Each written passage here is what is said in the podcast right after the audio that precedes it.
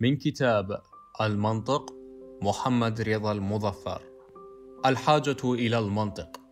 خلق الله الإنسان مفطورا على النطق وجعل اللسان آلة ينطق بها.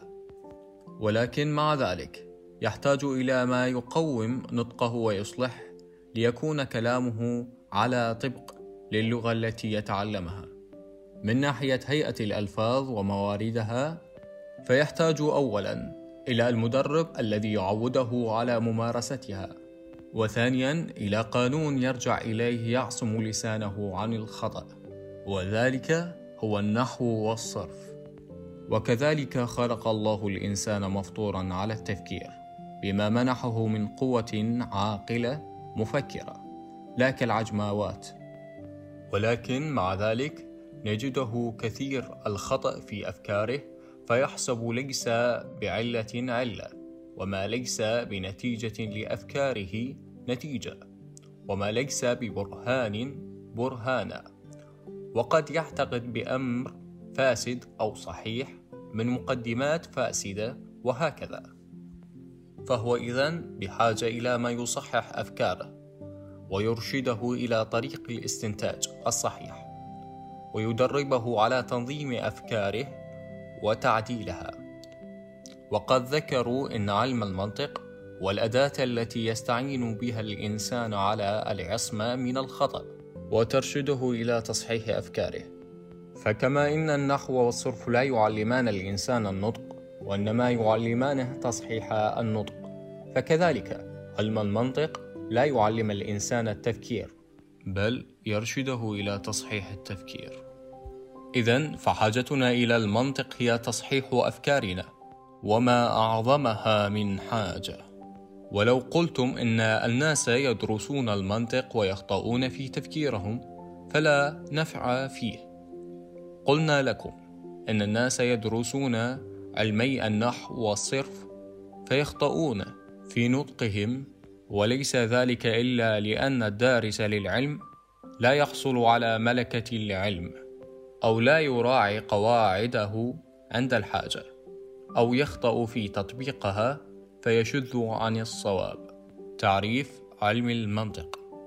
ولذلك عرف علم المنطق بأنه آلة قانونية تعصم مراعاتها الذهن عن الخطأ في الفكر.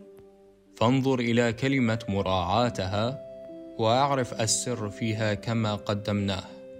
فليس كل من تعلم المنطق عصم عن الخطأ في الفكر. كما إنه ليس كل من تعلم النحو عصم عن الخطأ في اللسان بل لا بد من مراعاة القواعد وملاحظتها عند الحاجة ليعصم ذهنه أو لسانه. المنطق آلة.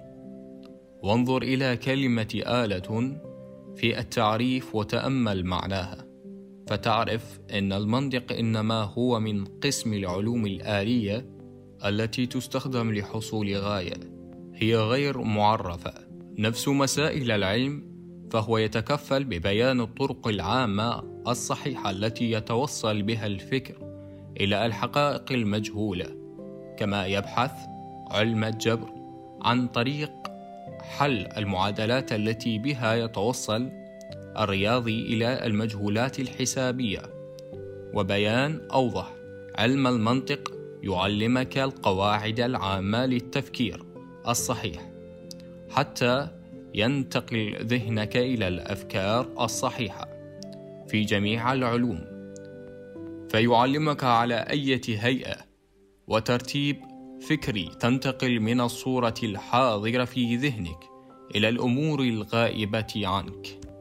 ولذا سموا هذا العلم الميزان والمعيار من الوزن والعيار وسموه بأنه خادم العلوم. حتى علم الجبر الذي شبهنا هذا العلم به يتركز حل مسائله وقضاياه عليه. فلا بد لطالب هذا العلم من استعمال التمرينات لهذه الأداة وإجراء عملياتها أثناء الدراسة. شأن العلوم الرياضية والطبيعية. وإلى هنا نصل. التعليق الصوتي البعاج. شكرا للاستماع